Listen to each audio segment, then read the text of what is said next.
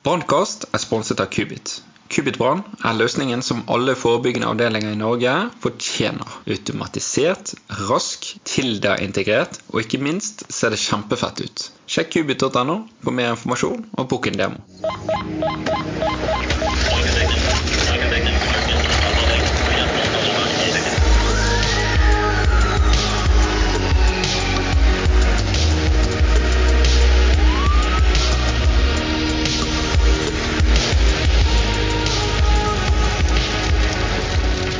Da var vi tilbake med en eh, ny episode med podkasten Brannkast. Dagens episode handler om oppfølging av førstehjelperen.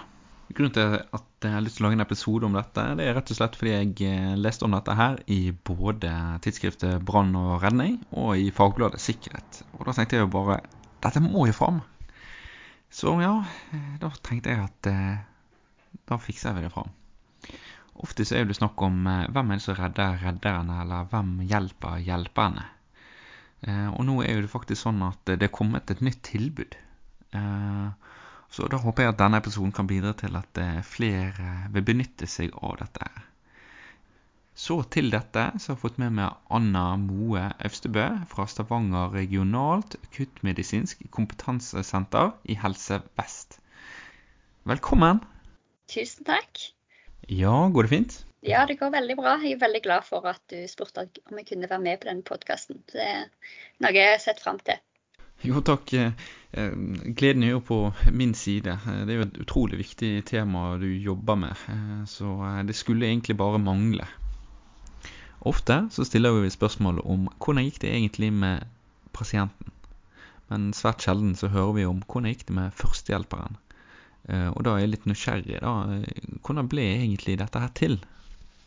Ja, det er jo egentlig mange som har spurt oss òg hvorfor har ikke dette her vært tidligere. Det er jo noe som mange har lurt på, og vi lurer egentlig på det samme. For det er jo vært eh, veldig mange i det akuttmedisinske fagmiljøet som har ønska et sånt behov i lang tid. Både om det er brannmenn eller òg innenfor politi og ambulansetjenesten og AMK. Så det er mange som har tenkt at det burde være et system som følger opp de som har vært i situasjonene. Men allikevel så har ikke dette her blitt gjort. Men det som gjorde at dette kom i gang, var egentlig en ansielig som heter Konrad Bjørsol, som eh, tok liksom saken i egne hender, for han hadde jo da jobba i luftambulansen i mange år og sett på en måte at det var et behov som ikke ble dekka. Fordi eh, det var særlig én hendelse som han ofte forteller, der han det var en mann som fikk hjertestans på en parkeringsplass utenfor et handlesenter. Og to kvinner som hadde gitt hjerte- og lungeredning. Og han hadde bare sett når de kjørte av gårde med pasienten, at de sto på en måte igjen og ikke visste altså, hva de skulle gjøre med handleposer som matvarer hadde falt ut av. Og liksom, hva skjer med de to? Får Mm. de noe svar på noe? En står gjerne igjen med 1000 spørsmål etter en sånn hendelse. Men det er, er på en måte, det har ikke vært noen som på en måte, tar tak i dette her og på en måte hjelper de å få en bearbeidelse av det som skjedde. da. Så det var han som hadde fikk dratt i gang, og så har han da veileda en doktorgradsstudent som heter Wenche Mathisen, som da skrev en doktorgrad bl.a. på hvordan reaksjoner jeg kan ha etter en førstehjelpshendelse. Så denne doktorgraden viste jo da at det er veldig mange som kan oppleve en del plager over lang tid etterpå. Og det kan være plager som søvnvansker og mareritt, til og med vekttap og redusert arbeidskapasitet, angst, konsentrasjonsvansker. Og det er sånn som kan òg vedvare over lang tid. da. Mhm. Så det var på en måte den doktorgraden til Isen òg som gjorde at det faktisk ble satt i gang et tilbud. Nå hadde vi dokumentert at det er en del som har reaksjoner etter en sånn hendelse. Og da var det på en måte RAKOS, eller Regionalt akuttmedisinsk kompetansesenter, som starta med dette tilbudet. Og det var i forbindelse med det at jeg ble ansatt som prosjektleder, da. Mm. Mm. Så kjekt, da. Det må jo være utrolig spesielt, da. Og spesielt for folk som ikke har hatt noe med det å gjøre, men, men egentlig for alle. Bare komme igjen i en krise, i en katastrofe, og håndtere det. Og så får du liksom det, er tungt det der å, å på en måte være en hjelper og så få oppleve de der inntrykkene. Jeg tror, tror det er mange som ja, kunne fått litt oppfølging etter eh, sånne store hendelser, spesielt da. Ja, og det er jo ikke alltid så mye skal til. Det er som bare det å få en gjennomgang. altså sånn, Brann og redning, politi, ambulansesjåfører, andre i helsevesenet, de har jo en debrief etter hendelser og gå gjennom hva var det som skjedde. Sant? Både sånn for å lære, men òg for å måte bearbeide hendelsen og måte snakke om hvordan de reagerte og de, om de har tenkt mye på det etterpå. Ja, for å løse litt opp liksom, de tankene og få det liksom litt ut. Og det er jo noe som aldri har vært et tilbud til hjelperen tidligere. Det ja, for dette er helt nytt? Ja, altså så vidt vi kjenner til, så er det faktisk ingen andre land i verden heller som har et sånt tilbud som en del av det offentlige helsevesenet.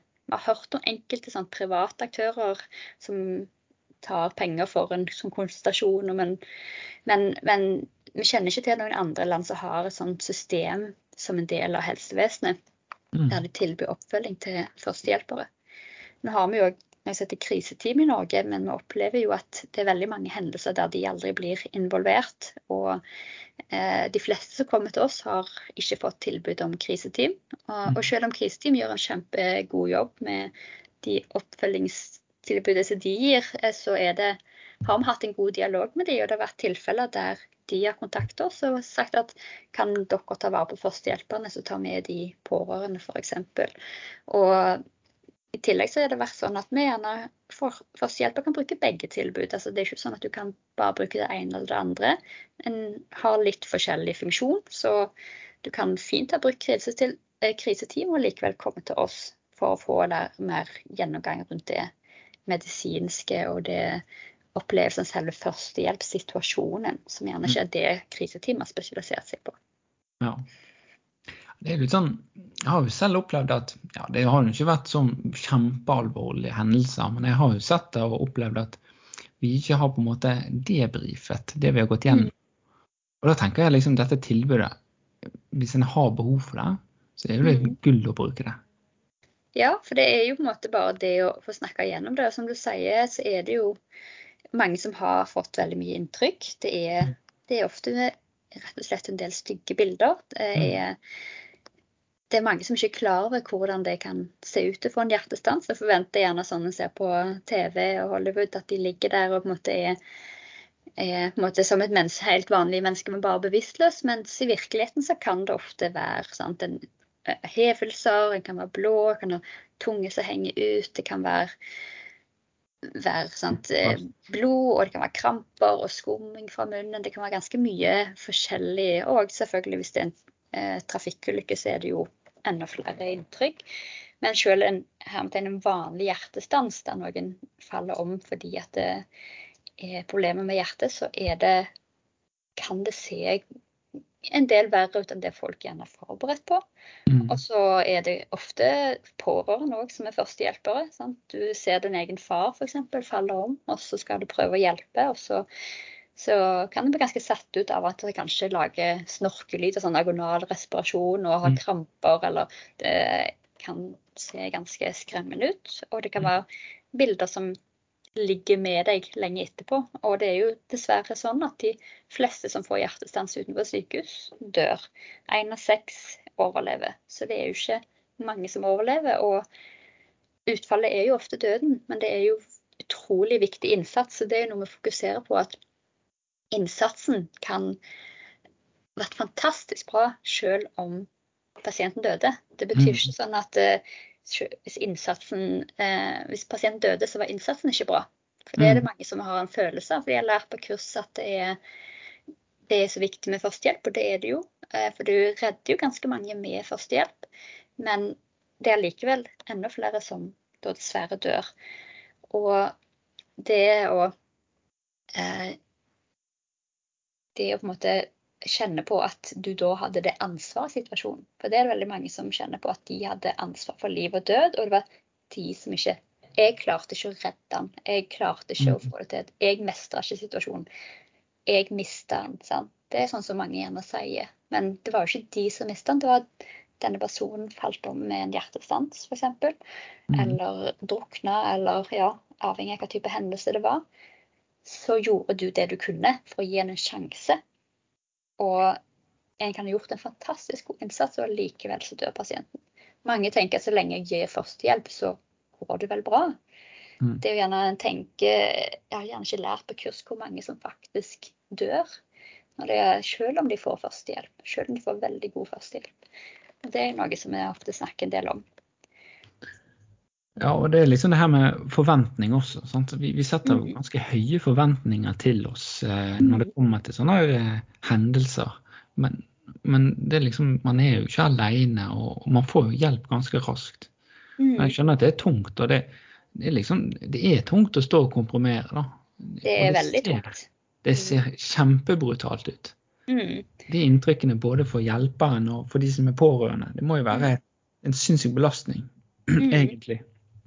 Ja, for mange er det jo det. Vi skal jo òg si at selvfølgelig folk er forskjellige. Det er ikke sånn at alle kjenner på de samme belastningene. Det er jo på en måte noen som ringer oss og sier at det går faktisk greit, men jeg er litt redd for at jeg skal få mye problemer for jeg kan ikke få reaksjoner etter litt tid, eller er det noe galt med jeg fikk ikke reagere mer. Så kan vi jo si at det er faktisk normalt å ikke få voldsomme reaksjoner òg. Men så Mm. ser vi jo at det er en del som da får sterke reaksjoner. Som du sier, det er noe mange kan forstå at det er ganske tøft å være vitne til en til en f.eks. hjerte-lungeredningssituasjon. For som du sier, så ser det veldig brutalt ut ofte.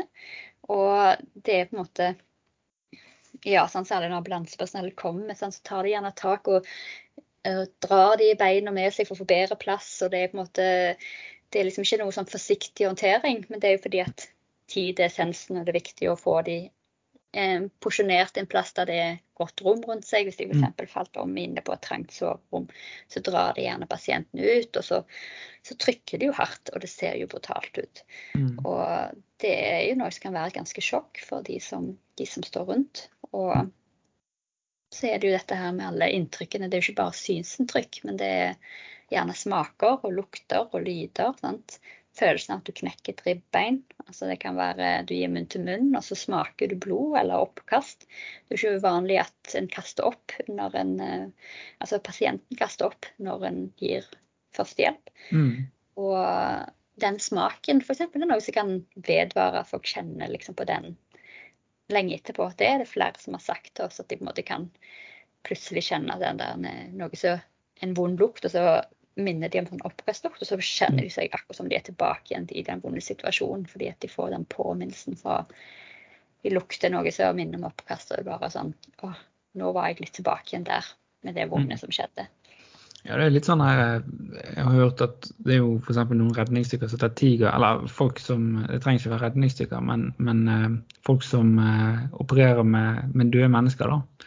Så, så, så har de tatt tigerbalsam under, under nesen, da. Og så hver gang så etter, etter hvert, da, så hver gang de lukter tigerbalsam, Ja, så får de en dårlig følelse av, av ja, av døde mennesker. Følelse av døden, sant. Ja. Ja. Ja, for det er jo det at hjernen lukt er noe som kan trigge ganske mye. Sant? Du kan jo selv tenke at f.eks.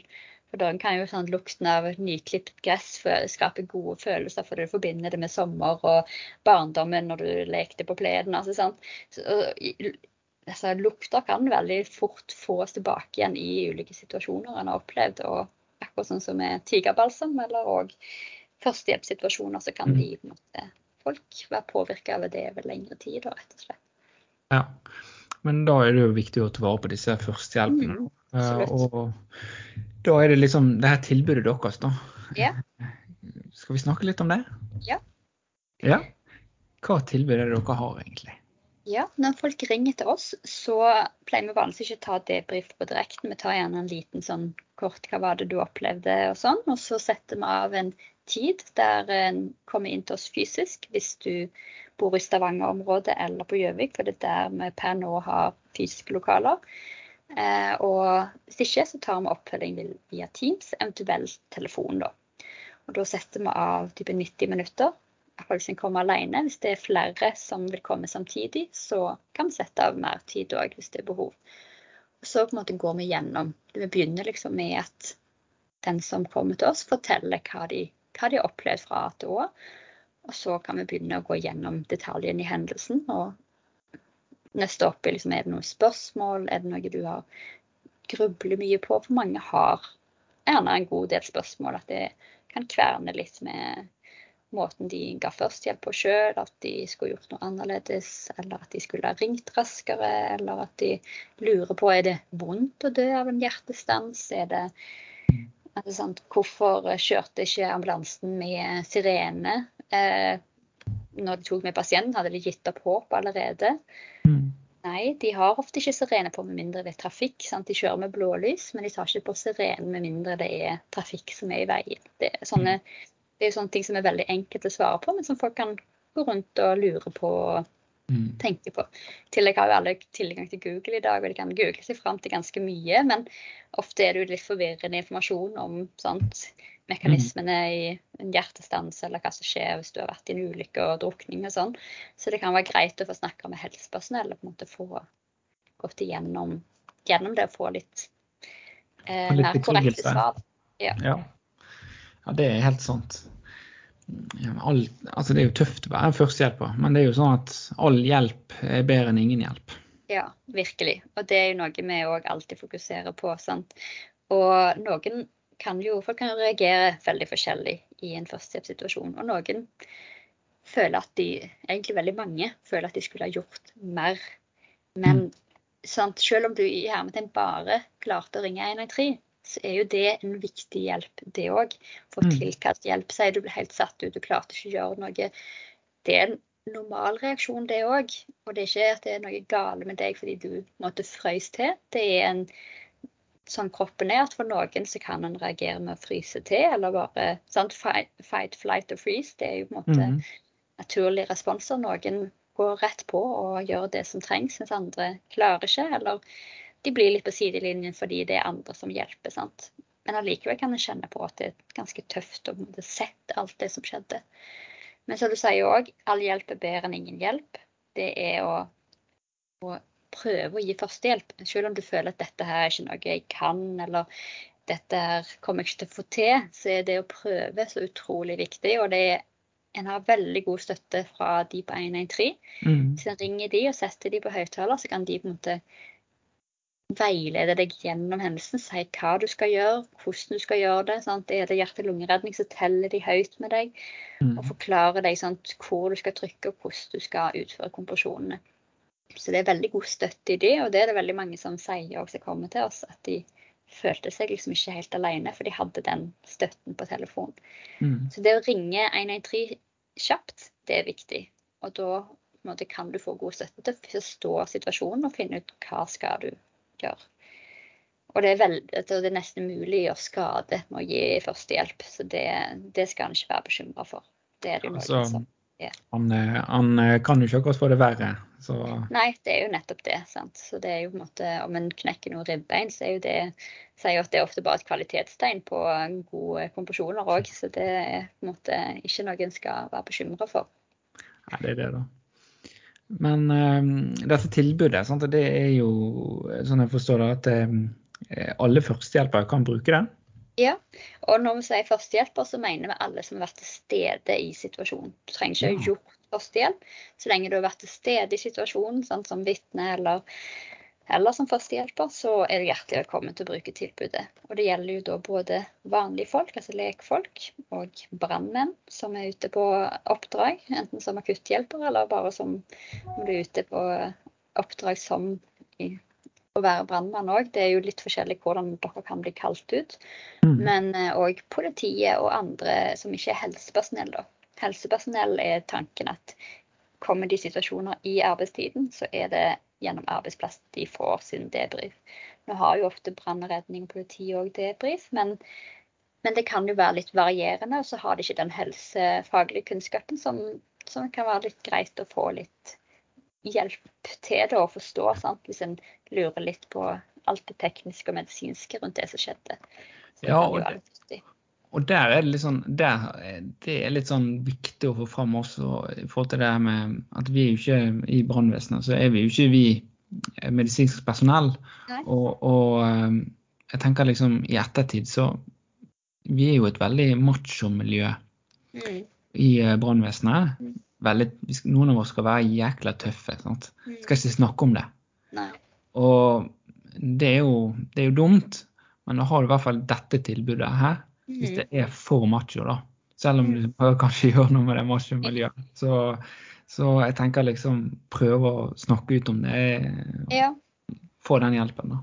For noen kan det jo være godt å på en måte ha mulighet til å snakke med noen utenfor arbeidsplassen. Sant? Altså, Mm. det er jo veldig bra med kollegastøtte og, og at en får oppfølging på arbeidsplassen, men, men for noen kan det jo være litt lettere å snakke med noen. Altså, Vi har jo taushetsplikt, så det er jo alt en sier eh, altså, blir jo taushetsbelagt. Og det er jo ingen som informerer arbeidsplassen din hvis du tar kontakt med oss. Altså, dette her er jo eh, ja, som sagt helt taushetsbelagt. Og det er er liksom for å få en god gjennomgang, en god debrief om det som skjedde. Og da får du òg med det medisinske perspektivet som du kanskje ikke har like mye av på arbeidsplassen. Som kan være greit hvis du sitter igjen med en del spørsmål. Vi kan jo òg undersøke utfallet til den som var pasient. For det er det jo mange som gjerne lurer på. Men sånn som det er i dag, så er det dessverre en litt sånn omstendelig prosess der man må sende ut samtykkeskjema per post, og vi må involvere en sentral, så det går fort en måned hvis en får noe svar. Så det er på en måte litt eh, omstendelig. Vi har jo ønska og prøvd å søke om lov til å på en måte gi informasjon om hvordan gikk det med den du prøvde å hjelpe. Uten å måtte be om samtykke og ha den tunge papirprosessen. Men, men det fikk vi dessverre avslag på. Men jeg har troen på at når dette tilbudet blir mer kjent, så vil det bli mer naturlig at en skulle kunne gi sånn informasjon. Ja. I hvert fall det å bare få vite om personen overlevde eller ikke, kan jo være bra både for læring hvis du er i brann, og bare for det å på en måte kunne lettere legge det litt bak seg. Da. Det kan selvfølgelig være tøft å få vite at personen døde, men en del ønsker gjerne å vite det likevel, bare for å kunne lukke det kapitlet på en måte. Mm, mm. Mm. Ja, det, det hadde vært fint, fordi man sitter litt og lurer av og til. Eh, Mhm. Det må jeg være, eh, innrømme. Og så har jo jeg Mm. folk, noen av de på butikken seinere. Ja. Og da har jeg sett de med, med skader og Oi, Mm. det gikk sånn, ja. Oi, og der hadde Ja. Ja. Ja. Skal ikke, skal ikke si for mye der, men eh, Nei.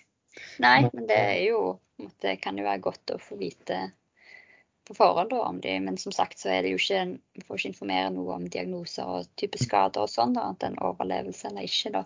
Men allikevel så kan jo det òg være godt å, å få vite hvis du går rundt og lurer på det. da.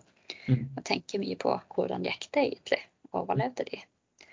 Men når dere er under denne samtalen, altså, du var litt inne på det, eh, Mm. hva går dere liksom igjennom? Er det liksom Ja. Hendelsesforløpet og på en måte følelser og Ja, for vi går jo inn på alt av hendelsesforløpet, men òg som du sier, følelser, hvis en ønsker å snakke om det. skal jo se, vi, vi er jo veldig åpne på at dette her er et tilbud til førstehjelperen. Og, og hvis vi stiller spørsmål så du tenker at dette har jeg ikke lyst til å snakke om, så er det helt greit å ikke svare og si at dette vil jeg ikke snakke om. Det sier vi ofte i begynnelsen av samtalen for at folk skal vite at dette er et trygg plass, og du snakker bare om det du sjøl har lyst til å snakke om.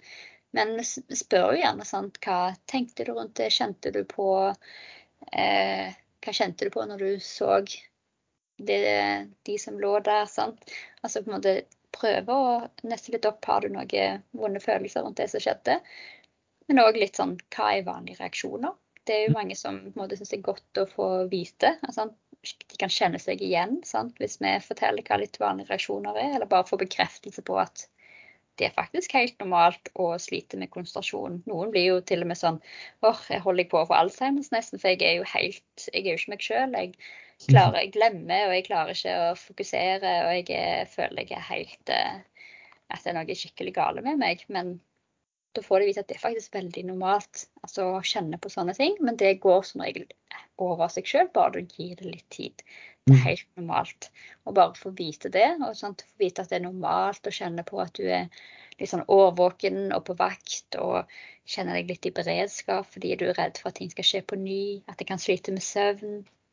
Kan eh, slite med at en ikke At en får litt sånn flashbacks til hendelsen og på en måte grubler mye og tenker mye, og plutselig kan en f.eks. begynne å få sinneutbrudd eller gråte eller altså kjenne på sånne sterke følelser. Mens noen igjen blir mer sånn numne og på en måte føler liksom har avstand til det som skjedde, og at alt er litt sånn surrealistisk. Mm. Bare liksom det å snakke rundt hva som faktisk er vanlig, og få vite på en måte ja, du er faktisk normal. Fordi at det er jo egentlig sånn at i hvert fall den første måneden etter en hendelse, pluss så er det egentlig alt normalt. Det er på en måte det å ha en del reaksjoner og sånn, det er vanlig og ikke grunn til bekymring. Sant? Det ting som i de aller fleste tilfeller vil gå over seg sjøl med litt tid. Men med litt samtale og sånn, så kan du på en måte hjelpe det litt på vei, og gjerne få stoppa noen av de grubletankene fordi du kan få svar på enkelte ting av det du lurer på.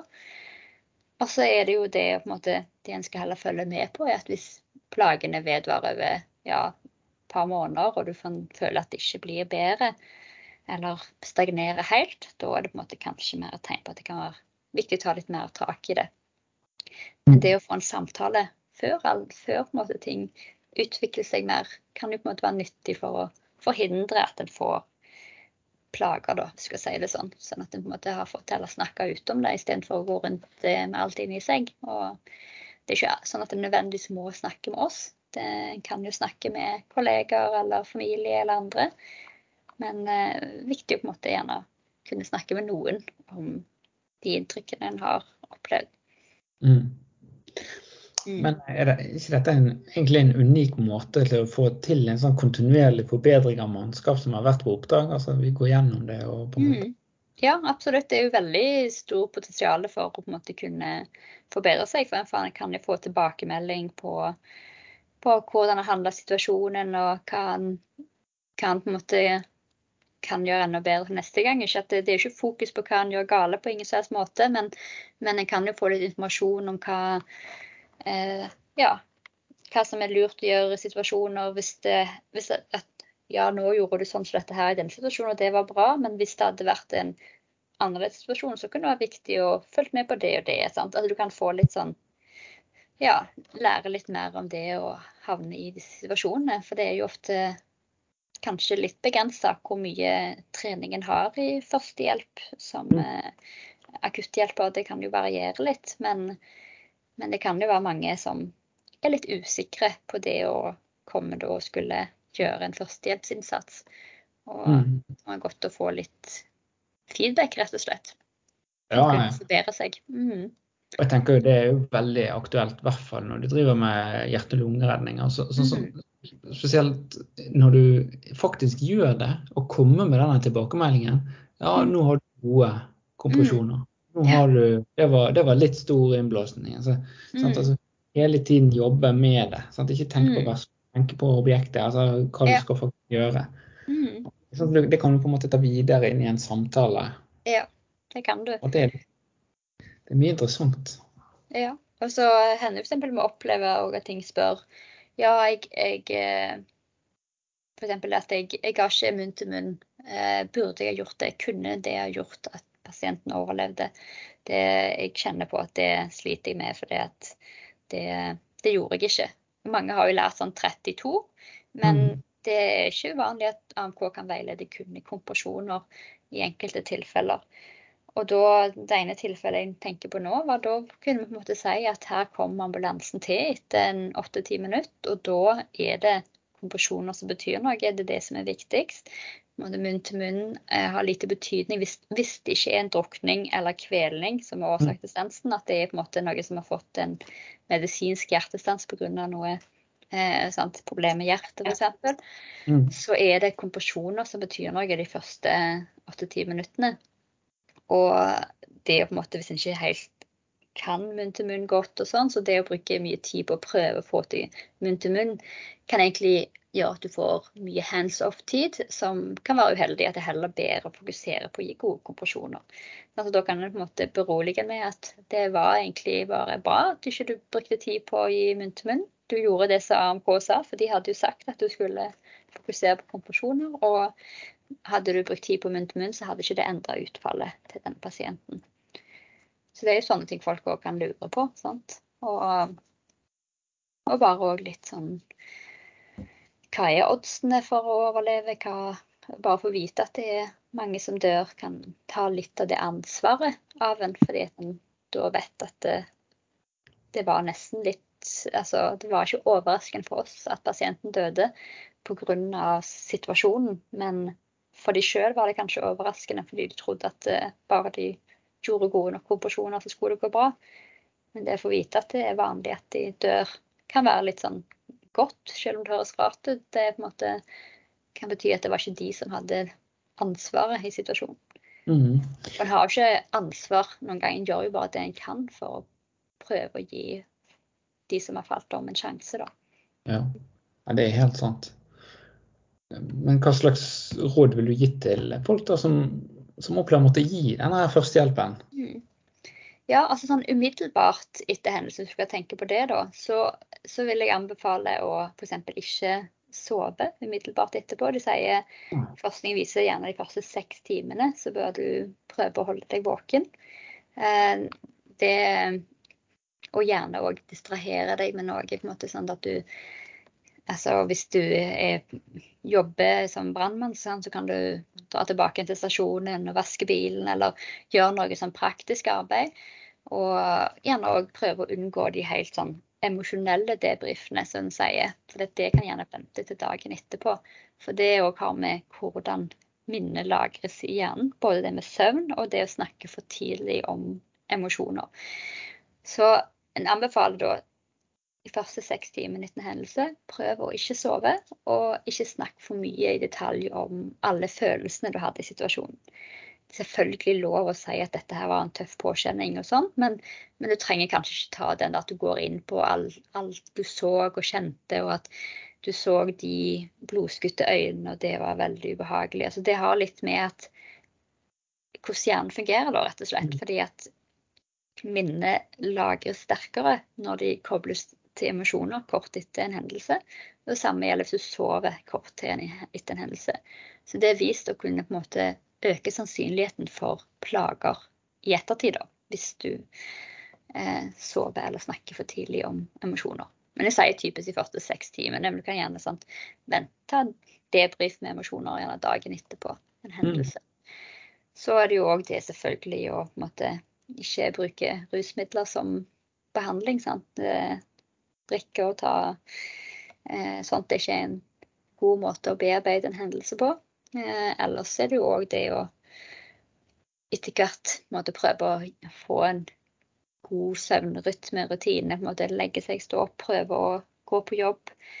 Altså sånn at en ikke sykemelder seg, med mindre en på måte må. Altså Er det fordi en pårørende er død og du skal planlegge begravelse, så er det jo mange ting du skal gjøre rent praktisk. Men hvis det er en jobbsituasjon og sånt, så er det jo egentlig veldig viktig å komme seg tilbake igjen på jobb. Ikke for jobben sin del, men for din egen del. Fordi at det er på en måte vise at OK, verden går videre. En får distraksjon, en får fokus på noe annet. En får brukt hjernen sin til å fokusere på andre, andre ting. Og det kan være veldig godt når du har vært i en sånn situasjon. Ellers er det jo det å være litt forberedt på at ting kan ta litt tid. Du kan ha litt reaksjoner. Ikke alle har reaksjoner, som sagt, men en kan ha reaksjoner. Og det kan fort vedvare noen måneder uten at det er noe å bekymre seg for. Det på en skal følge litt med på, er at hvis ting ikke avtar eller eh, blir verre, da, og at det går utover evnen til å jobbe eller fungere sosialt og med familien. Mm. Og Da tenker jeg det er viktig å snakke om det. Altså det, er, det er jo tungt ja. å holde på ting. Mm. Det er jo det det kan være litt tungt å gå med alt, alle tanker og følelser inni seg. fordi bare det å få satt litt ord på det kan, mm. kan, gjøre at det er litt lettere å måtte legge det bak seg. da. Og så mm. er jo sånn prøve å sørge for å spise så normalt, selv om kanskje matlysten ikke alltid er på topp etter en sånn hendelse. Så prøve å måtte, holde på rutinene, da, rett og slett. Mm. Og det å prøve å ikke unngå ting, for det er det jo noen som har tendens til å gjøre. Enten det er en at er du akutthjelper eller jobber i brann, så kanskje du kjenner på at du har lyst til å unngå jobben og så tar den sykemeldingen, eller du har ikke lyst til å kjøre forbi det stedet der det skjedde. Mm. Og det kan jo gjelde pårørende og sånt òg, at de unngår på en måte stedet for hendelsen, eller ting som minner om hendelsen. Jeg har jo opplevd at folk som ikke ønsker f.eks. å spise det samme de gjorde den dagen, fordi at det minner de for mye om hendelsen og gjør at de får en følelse av at dette her nå kan det skje noe vondt igjen. Selv om de selvfølgelig rasjonelt sett vet at det ikke har noen sammenheng. Og selv om måte alle vet at det ikke er farlig å gå tilbake igjen til det stedet der noen havna i en trafikkulykke eller fikk en hjertestans eller sånn, så har folk en tendens til å prøve å unngå disse tingene. Men det som er at hvis en begynner, begynner å unngå noe, så har det en tendens til å måtte forverre seg, da. At en på en måte begynner å unngå én ting, kanskje akkurat den, det stedet. Så blir det til at en begynner å unngå kanskje ting som minner om det stedet. Og så kan det balle litt på seg. Så det er litt viktig å prøve å ikke la de tingene ta overhånd. Mm. Det er ikke sånn at du nødvendigvis må dra til det stedet dagen etterpå, sant? men prøv litt sånn etter hvert, og ikke la det få bli en stor greie. Sant? Ikke du kan oppsøke stedet eller ting som minner deg om det som skjedde da. Mm.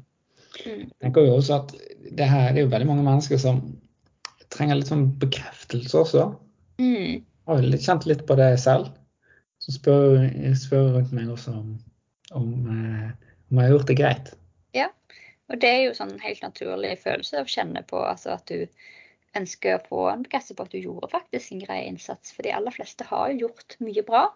Mm. Uh, og bare få vite at OK, dette her du gjorde så godt du kunne, og det var veldig flott. Og litt, få litt anerkjennelse òg, for det er noen føler jo på en måte at de blir litt sånn oversett. De har jo liksom gjort en virkelig innsats, og så er det ingen som sier liksom takk for innsatsen. Og det er jo på en måte bare litt godt at noen sier at dette var utrolig bra at du faktisk gjorde dette her. Og, det er, og vi ser at dette var tøft, men at du gjorde det likevel. Og, og at vi kan få bekreftelse på det at en har gjort ting så godt en kunne, og at det er det viktigste en kan gjøre. Ja. For det er ikke uansett alltid sånn at en gjør alt 100% rett. Men sånn er det jo sjelden. En vil jo alltid føle på at en kanskje kunne ha gjort ting litt raskere, reagert litt fortere, litt bedre. Men det er jo sånn vi mennesker er. Vi vil alltid prøve å søke etter hvordan kunne vi kontrollere situasjonen enda bedre. Mm. Men en vil jo aldri få 100% kontroll som regel. Men, men, selvfølgelig, jo flere situasjoner en er jo, hvis en gjør det som arbeid eller som akutthjelper f.eks., så vil en jo etter hvert kjenne på mer at en klarer å få den bekreftelsen fra sin egen del. Men så er det gjerne i hvert fall er du uerfaren eller du kommer i en hendelse som er liksom ekstra tøff, så er det godt å få den bekreftelsen utenfra. Mm, så absolutt. Mm. Men eh, nå tenker jeg at vi kan eh, runde av. Eh, avslutningsvis, hvor kan eh, man eh, få tak i dere? Ja, telefonnummeret vårt er 02415. Og det kan dere ringe. Det er åpent på dagtid i ukedagene. Og det er og vi har en nettadresse der en kan gå og lese litt mer om tilbudet. Sus.no skråstrek rakos bindestrek forstehjelp. Så jeg kan få vite litt mer hva dette tilbudet går i, da.